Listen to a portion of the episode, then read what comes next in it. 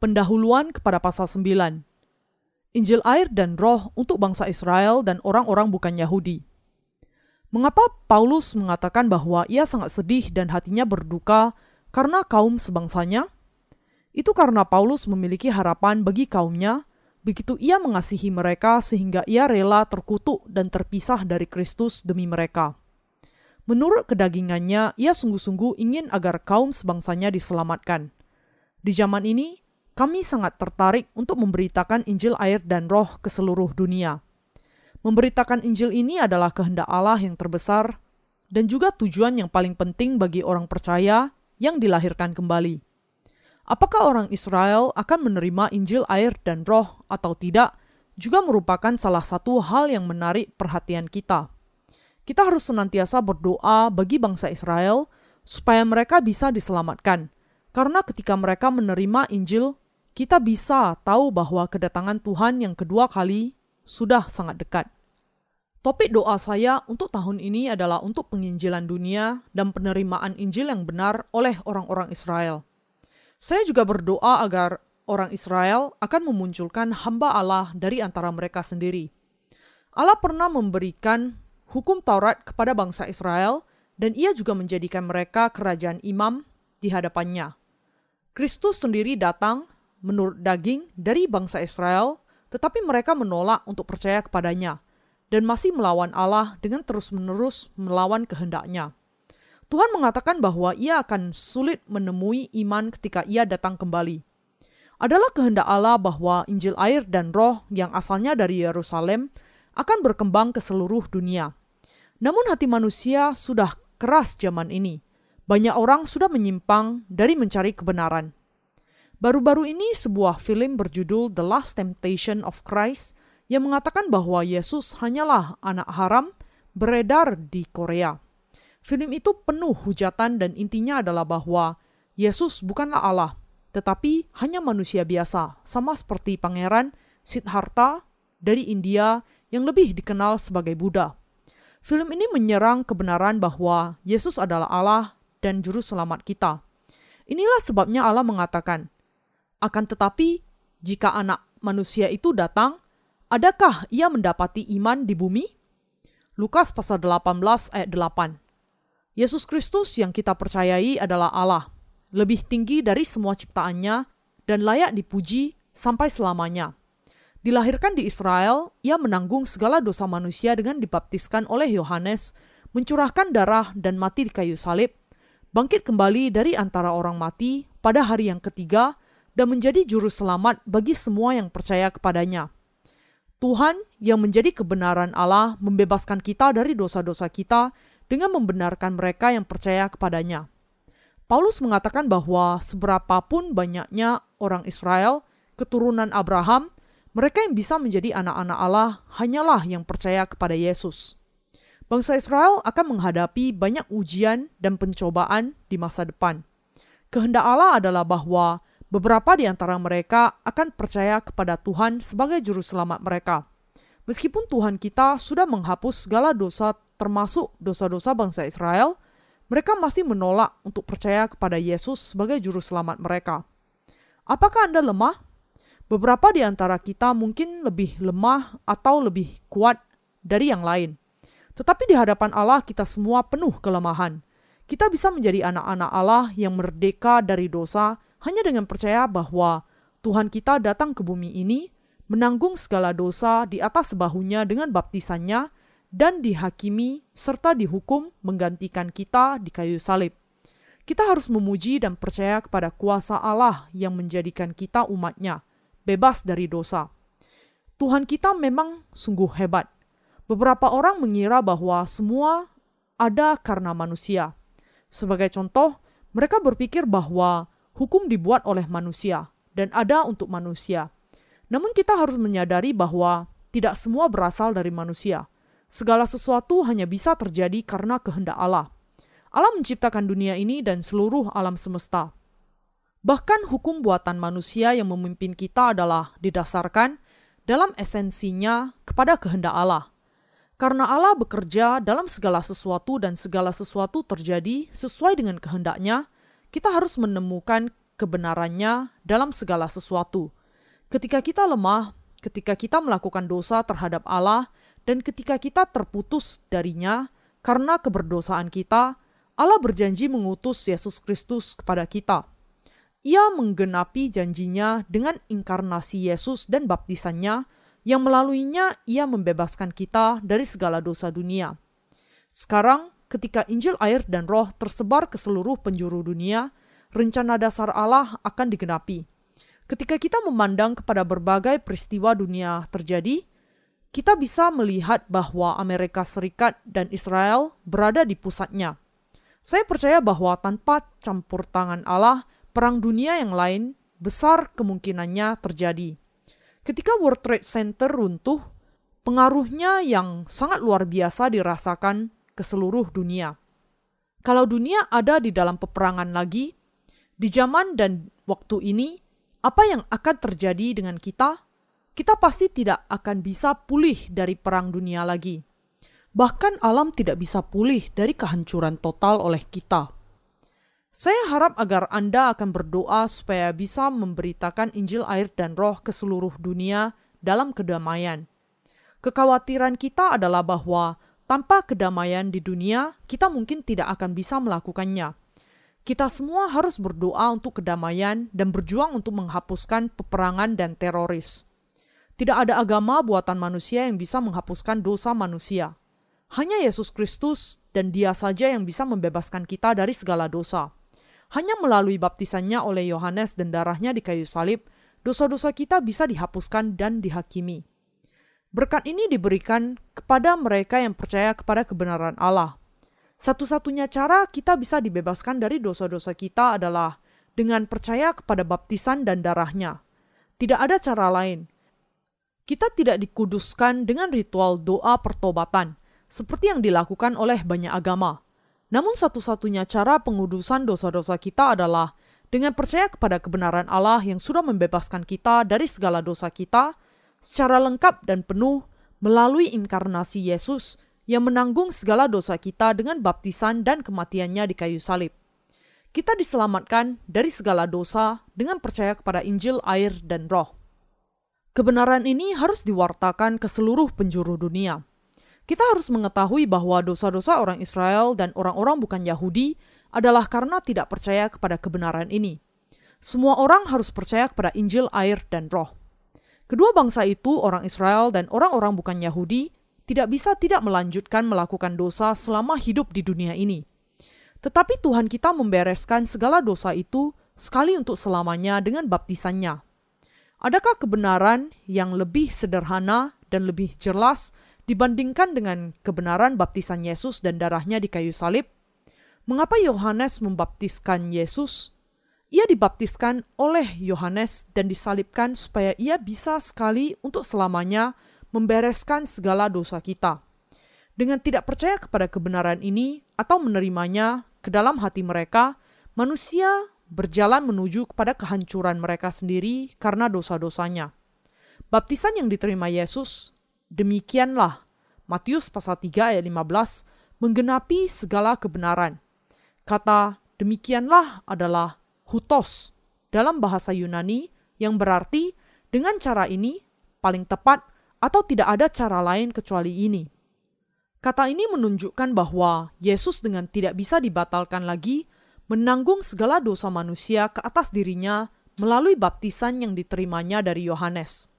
Karena Yesus menanggung segala dosa dunia dengan dibaptiskan oleh Yohanes, ia bisa menanggung kayu salib dan mencurahkan darahnya bagi kita. Kita harus mengerti bahwa inilah kebenaran pengudusan yang dengannya semua umat manusia bisa ditebus dari segala dosanya. Tuhan berkata kepada kita, "Jikalau kamu tetap dalam firman-Ku kamu benar-benar adalah muridku, dan kamu akan mengetahui kebenaran, dan kebenaran itu akan memerdekakan kamu. Yohanes pasal 8 ayat 31 sampai 32. Baptisan Yesus dan darahnya adalah kebenaran Allah yang membebaskan kita dari segala dosa kita. Itu sepenuhnya didasarkan kepada firman Allah yang tertulis. Kebenaran pengudusan akan bertahan dengan Injil, air, dan roh sampai selamanya. bahwa Allah Bapa memutuskan untuk menguduskan orang berdosa dengan baptisan Yesus dan darahnya di kayu salib untuk kehendaknya. Ketika kita percaya kepada baptisan dan darahnya bagi penebusan kita, kita percaya kepada apa yang ditetapkan Allah bagi kita. Dosa-dosa kita dihapuskan hanya kalau kita percaya kepada kebenaran air dan roh. Kalau Anda percaya saat ini juga kepada baptisan Kristus dan darahnya di kayu salib, kebenaran pengudusan, sebagai penebusan Anda, maka Anda akan sekarang juga dibenarkan. Jika sebaliknya Anda tidak percaya, maka Anda masih tetap orang berdosa. Karena semua orang telah berbuat dosa dan kehilangan kemuliaan Allah.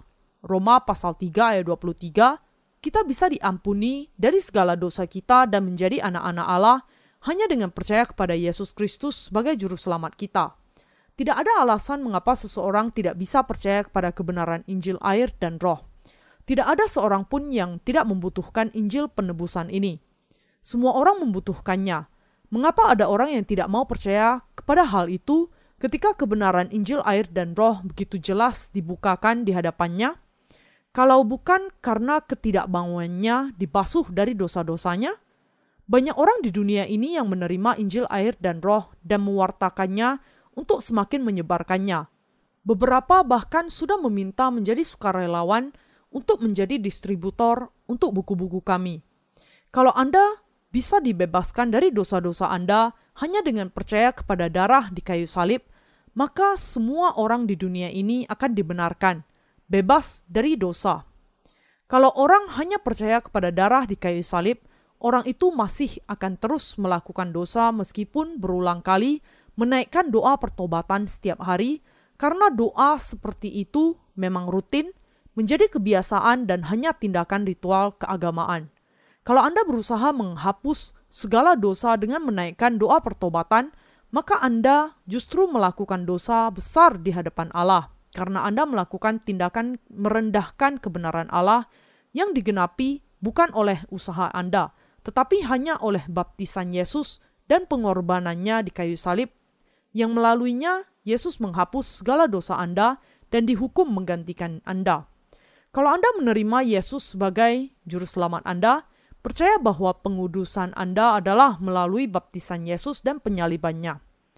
Yesus berjanji untuk membebaskan orang berdosa dari dosa-dosa mereka dan ia menggenapi janjinya dengan dibaptiskan oleh Yohanes di sungai Yordan dan mencurahkan darahnya di kayu salib untuk menggenapi kebenaran Allah. Apa alasannya sampai kita tidak mau percaya kepada kebenaran ini? Anda harus percaya kepada baptisan Yesus dan curahan darahnya di kayu salib sebagai penebusan Anda. Kebenaran bahwa Yesus menanggung ke atas dirinya segala dosa dunia ketika ia dibaptiskan bisa kita lihat di dalam Matius pasal 3 ayat 13 sampai 17. Hanya mereka yang tidak mau diampuni dosa-dosanya yang akan menolak untuk percaya kepada kebenaran ini. Anda bisa menjadi anak-anak Allah dan menerima kehidupan kekal hanya dengan percaya kepada kebenaran Injil, air, dan Roh. Tidak ada yang lain yang akan menghapuskan segala dosa Anda. Tidak ada yang lebih indah dibandingkan dengan percaya kepada kebenaran ini. Tidak ada anugerah yang lain yang lebih indah daripada pengampunannya. Di antara banyak anugerah yang dicurahkan Allah bagi kita, pengampunan dosa kita adalah anugerah yang terbaik dari semuanya. Anugerah yang terbaik kedua yang diberikan Allah kepada kita adalah datangnya kerajaan seribu tahun kepada mereka yang akan memerintah, dan anugerah yang ketiga adalah bahwa kita akan hidup selamanya di dalam kerajaan surga dan memerintah dengan Allah untuk selamanya. Allah sudah memungkinkan bahkan di zaman akhir ini agar kebenaran ini dinyatakan baik kepada bangsa Israel maupun orang-orang bukan Yahudi. Seperti yang dinubuatkan di dalam kitab suci, dua hamba Allah akan bangkit dari antara orang Israel dan Allah akan melakukan banyak mujizat Injil di antara mereka. Orang-orang Israel kemudian akan mendengar Injil air dan roh melalui kedua hamba Allah itu yang akan dibangkitkan Allah dari antara bangsa mereka dan banyak yang akan percaya kepada Yesus sebagai Mesias mereka. Kita menantikan datangnya hari itu seperti Yohanes menantikan dan memohon, "Datanglah Tuhan Yesus." Wahyu pasal 22 ayat 20. Ketika tiba saatnya Tuhan datang lagi, Anda akan menyadari betapa bersyukurnya Anda karena percaya kepada kebenaran ini yang dengannya Anda diampuni dan diselamatkan. Kerinduan hati saya adalah bahwa Anda akan dibebaskan dari segala dosa Anda dengan percaya kepada kebenaran Injil, air, dan Roh. Dunia bisa saja berubah, tetapi Injil, air, dan Roh yang dengannya Allah menyelamatkan kita dari segala dosa tidak pernah berubah dan kebenaran kekal. Kita harus percaya kepada kebenaran ini untuk menerima keselamatan pengudusan yang tidak berubah. Kiranya kebenaran penebusan Allah menjadi milik Anda. Allah sudah membebaskan kita dengan menjadikan kita bejana belas kasihannya. Roma pasal 9 mencatat bahwa Allah menyelamatkan Yakub karena ia mengasihi Yakub lebih daripada Esau. Demikianlah, Yakub menjadi bejana belas kasihan, sementara Esau menjadi bejana murka. Ini membawa kita kepada pertanyaan mengapa, yaitu Apakah Allah lebih pilih kasih kepada Yakub dibandingkan dengan Esau? Tidak diragukan, akan ada banyak orang yang berpendapat karena Allah secara berpihak dan terlebih dahulu memilih untuk mengasihi seseorang dan membenci yang lainnya tanpa alasan, penentuannya dan pilihannya menjadi salah. Ketika kita melihat ke dunia yang diciptakan Allah, kita bisa melihat betapa indah dan murninya ciptaannya. Tumbuhan binatang, dan semua yang lain yang diciptakan oleh Allah nampak begitu sempurna. Bagaimana kemudian Allah bisa mengasihi seseorang sementara membenci yang lainnya secara demikian? Tetapi bukan ini yang terjadi. Karena ketidaktaatan Adam dan Hawa, dosa masuk ke dalam dunia. Dan karena dosa ini, semua yang ada sesudah mereka ditentukan untuk terus ada di dalam dosa dan tidak bisa menghindar dari hukuman neraka. Hanya karena Allah menyelamatkan Yakub dari dosa dan tidak membebaskan Esau tidak berarti bahwa ia melakukan suatu kesalahan. Di matanya, Allah memiliki semua alasan untuk melakukan hal itu. Kita bisa menemukan banyak orang yang bersikap seperti Esau di dalam lingkungan Kristen. Biasanya, orang yang demikian tidak pernah melewatkan satu ibadah pun. Tidak peduli kapan atau di mana diadakannya, mulai ibadah fajar sampai penyembahan tengah malam. Beberapa mungkin bahkan menghabiskan lebih banyak waktu di gereja daripada di rumah. Bolak-balik dari bekerja ke gereja, tidak ke rumah. Kita mungkin bisa menyebut mereka sebagai pelari agama. Namun di antara mereka banyak yang tidak menganggap serius kebenaran Allah. Ini karena mereka berusaha membangun kebenaran mereka sendiri dan dalam melakukannya mengabaikan kebenaran Allah. Bahkan mereka yang mengabaikan kebenaran Allah masih ingin masuk surga dan diampuni dosa-dosanya. Tetapi usaha mereka dalam memantapkan kebenaran mereka sendiri di hadapan Allah bukan dalam usaha untuk diampuni dari segala dosanya. Allah mengatakan kepada mereka yang tidak percaya kepada kebenaran Allah bahwa iman kepada kebenaran Allah bukan milik semua orang. Orang-orang yang bagaimana kemudian yang bisa percaya kepada kebenaran Allah? Mereka adalah orang-orang yang mengenal keberdosaan mereka, yang di dalam pikiran mereka sendiri menyadari bahwa mereka tidak layak untuk apa pun. Mereka adalah orang-orang yang, ketika menemukan kebenaran Allah melalui pengudusannya yang dinyatakan di dalam Injil, air, dan Roh, langsung percaya kepada hal itu dan mengembalikan kemuliaan kepada Allah. Bahwa kita percaya kepada kebenaran Allah dan kemudian diselamatkan, berarti bahwa kita orang yang sangat memelas yang membutuhkan kebenaran Allah. Kalau tidak demikian, kita akan dikutuk untuk menjalani hidup dalam dosa sepanjang kehidupan kita. Tetapi mereka yang mencari kebenarannya sendiri di hadapan Allah adalah orang-orang yang penuh kesombongan. Orang yang demikian mungkin mengatakan, "Tuhan, aku memberikan perpuluhan, berjaga semalaman untuk berdoa kepadamu, tidak pernah melewatkan ibadah fajar selama 10 tahun ini." Dan melakukan perbuatan baik untukmu. Namun Allah akan lebih senang kalau ia mengetahui bahwa ia tidak memiliki kebenaran sama sekali dan dengan demikian perlu percaya kepada kebenaran Allah melalui pengudusan air dan roh dan bukannya berusaha membuktikan melalui usahanya sendiri sesuatu yang tidak dimiliki dan tidak bisa dimilikinya. Bahkan sekarang di antara orang-orang Kristen, ada banyak orang yang melakukan segala sesuatu untuk berusaha menunjukkan kebenaran mereka sendiri. Beberapa orang bahkan dengan setia melakukan apa yang mereka katakan. tetapi karena mereka tidak percaya kepada kebenaran Allah yang dimanifestasikan melalui Injil air dan Roh, dosa-dosa mereka tidak sepenuhnya dihapuskan. Allah akan menentukan akhir mereka. Kita semua berharap bahwa mereka akan menjadi anak-anak Allah yang sejati melalui pengampunan dosa dengan iman mereka kepada baptisan dan darah Tuhan kita sebagai pengudusan yang sejati. Dalam bejana keselamatan, Rasul Paulus mengatakan bahwa Allah memiliki belas kasihan kepada siapa saja ia berbelas kasihan dan akan mengasihani siapa saja yang dikasihaninya. Siapa kemudian orang-orang yang menerima belas kasihan Allah? Semua manusia tidak bisa menaati firman Allah, meskipun mereka sungguh-sungguh berusaha melakukannya. Mereka berulang kali tersandung, meskipun mereka memiliki kerinduan yang benar untuk percaya dan hidup di dalam firman-Nya. Mereka akhirnya akan merasa menyesal di hadapan Allah, dihantui rasa bersalah, dan berpikir bahwa mereka layak mendapat hukuman neraka. Kemudian mereka meminta agar Allah memberikan belas kasihan kepada mereka, mengakui bahwa mereka sangat memelas baik di dunia maupun di dalam kerajaan surga. Karena mereka tahu bahwa mereka tidak bisa diselamatkan kecuali Allah berbelas kasihan kepada mereka, mereka dengan sungguh-sungguh memohon kepada Allah. Pembebasan dari dosa dengan kata lain ditemukan di dalam mereka yang dikasihani Allah – dan yang kepadanya Allah memiliki belas kasihan. Untuk orang-orang ini, Allah mencurahkan Injil air dan roh dengan mengutus anaknya, menanggung segala dosa ke atas dirinya melalui baptisannya, mati di kayu salib dan bangkit dari kematian. Semua untuk membebaskan mereka dari kehancuran yang pasti. Bapa kita memiliki belas kasihan kepada orang-orang yang memelas. Tetapi nampaknya ada lebih banyak orang yang ada di bawah murka Allah dibandingkan dengan mereka yang diberi belas kasihan Allah di dunia ini. Allah mengatakan bahwa di antara orang-orang Kristen di zaman ini ada bejana belas kasihan dan ada juga bejana murka. Jadi dengan kata lain, ada orang-orang yang dikasihi Allah dan ada yang tidak dikasihinya.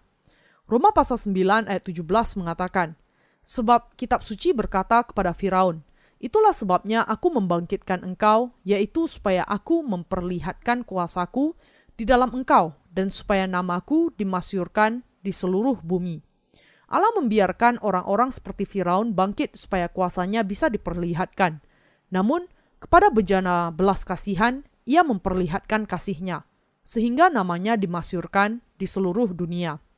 Karena dosa-dosa kita dan murka Allah, kita ditentukan masuk neraka. Tetapi kita diselamatkan dari segala dosa kita saat Allah mencurahkan kepada kita kasih kebenarannya karena ia mengasihi mereka di antara kita yang percaya kepadanya. Mereka yang tidak percaya kepada kebenaran Allah dan hanya tertarik mengejar kebenarannya sendiri, berbalik melawan Allah. Mereka adalah orang-orang yang disisihkan Allah untuk murkanya. Agar murkanya yang luar biasa ditunjukkan, harus ada orang-orang yang melawan dia, dan melaluinya keadilan dari pengadilan Allah ditunjukkan. Orang-orang seperti Firaun adalah mereka yang menolak kasih kebenaran Allah. Kepada Firaun, Allah menurunkan sepuluh tulah. Yang terakhir adalah kematian. Kepada mereka yang menolak Allah, hanya lautan api yang akan menantikannya. Inilah murka kuasa Allah. Ada banyak orang-orang yang berkuasa di dunia ini, dan banyak yang menyangkal Allah. Namun, Allah tetap akan mengalahkan mereka untuk menyatakan kuasa murkanya. Inilah sebabnya ia membiarkan orang-orang yang hatinya keras dan yang menyangkal dia. Yang penting bagi kita kemudian adalah bagaimana kita bisa menjadi bejana belas kasihannya, karena dengan itu kita bisa percaya kepada kasih kebenaran Allah. Kita tidak memiliki apa pun untuk ditunjukkan kepada Allah. Bahkan kita lahir untuk percaya kepada kasih kebenaran Allah. Alkitab mengatakan kepada kita mengenai kisah seorang pemungut cukai, dan seorang Farisi yang berdoa kepada Allah. Allah mengasihani yang pertama, sementara tidak melakukan apa-apa untuk yang kedua. Orang-orang seperti pemungut cukai ini adalah orang-orang yang mengaku di hadapan Allah bahwa mereka tidak memiliki kebaikan dan kehilangan kemuliaannya, dan karena itu meminta belas kasihan Allah. Ada orang-orang yang mengenakan kasih kebenaran Allah, tetapi orang-orang seperti orang-orang Farisi terus-menerus menyombongkan apa yang sudah mereka lakukan bagi Allah. Bahwa mereka memberikan perpuluhan, bahwa mereka berpuasa dua kali seminggu, bahwa mereka berdoa, dan bahwa mereka sangat saleh secara keagamaan. Tergantung di mana kita berdiri di hadapan Allah, kita akan mengenakan kasih kebenaran Allah atau terkena murka penghukumannya. Kalau kita mengeraskan hati kita di hadapan Allah, dosa-dosa kita akan tetap tidak diampuni sampai selamanya. Tanpa pengampunan, kita akan masuk neraka selamanya. Injil air dan roh sudah diberitakan di seluruh dunia. Orang-orang yang masih belum diselamatkan adalah karena mereka mengeraskan hati. Tidak ada kebenaran di dalam diri manusia, dan hanya dengan iman kita bisa mengenakan kasih kebenaran Allah. Allah membenci mereka yang meski diciptakan Allah menolak mengakui kebenarannya. Tetapi mereka yang percaya kepada Injil air dan roh, kebenaran Allah, semua akan dikasihi olehnya dan memiliki kehidupan kekal. Banyak orang Kristen di dunia sekarang ini hidup sebagai bejana murka di hadapan Allah. Inilah sebabnya kita perlu belajar dari kitab Roma apakah kebenaran Allah itu.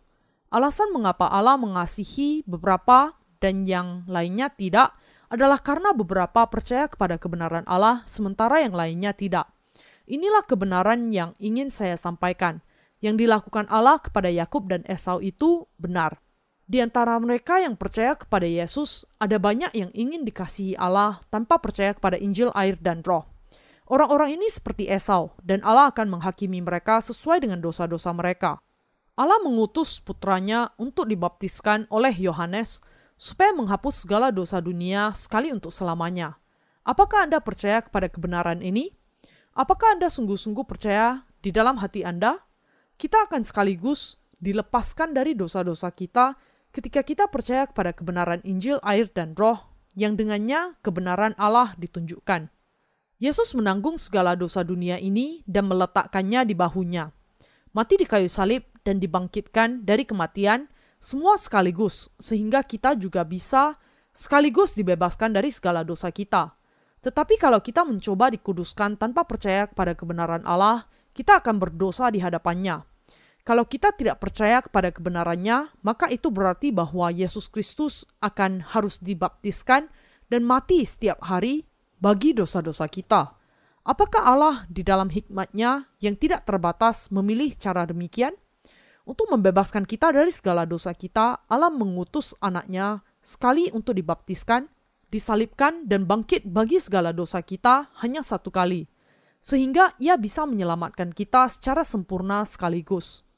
Allah kita adalah Allah kebenaran. Allah merencanakan pengampunan dosa kita di dalam kebenarannya Allah tidak melenyapkan segala dosa kita hanya karena kita berdoa meminta pengampunannya setiap kali kita melakukan dosa. Namun, ia menghapus segala dosa mereka yang sekaligus ditebus dengan percaya kepada kebenarannya sekali untuk selamanya. Kemudian, apa yang akan terjadi kepada dosa-dosa harian yang kita lakukan sesudah itu?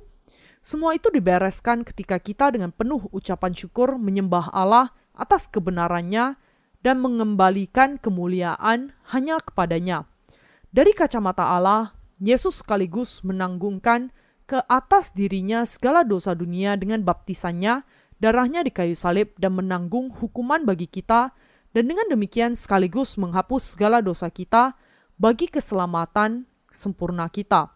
Kasih kebenaran Allah sudah digenapi dari rencananya untuk melenyapkan segala dosa dunia sekaligus. Roma pasal 9 ayat 25 mengatakan, seperti yang difirmankannya juga dalam kitab Nabi Hosea, yang bukan umatku akan kusebut umatku, dan yang bukan kekasih, kekasih. Ya, Allah mengatakan bahwa ia akan menyebut mereka umatnya, yang sebelumnya bukan umatnya, karena kebenaran Allah yang di dalamnya kita percaya bukan hanya teori, tetapi kenyataan. Kita dibebaskan dari segala dosa kita dengan percaya kebenarannya. Karena itu adalah kenyataan, mereka yang mengabaikan kebenarannya akan dibenci dan dihukum seperti Esau. Tidak ada seorang pun yang bisa membanggakan kebenarannya sendiri di hadapan Allah. Untuk membebaskan kita dari segala dosa kita, Allah menyelamatkan kita dengan kebenarannya. Bagaimana kemudian kita bisa tidak berterima kasih dan menyembah Dia? Kita tidak bisa tidak memberitakan Injil kebenaran Allah dalam ucapan syukur dan iman.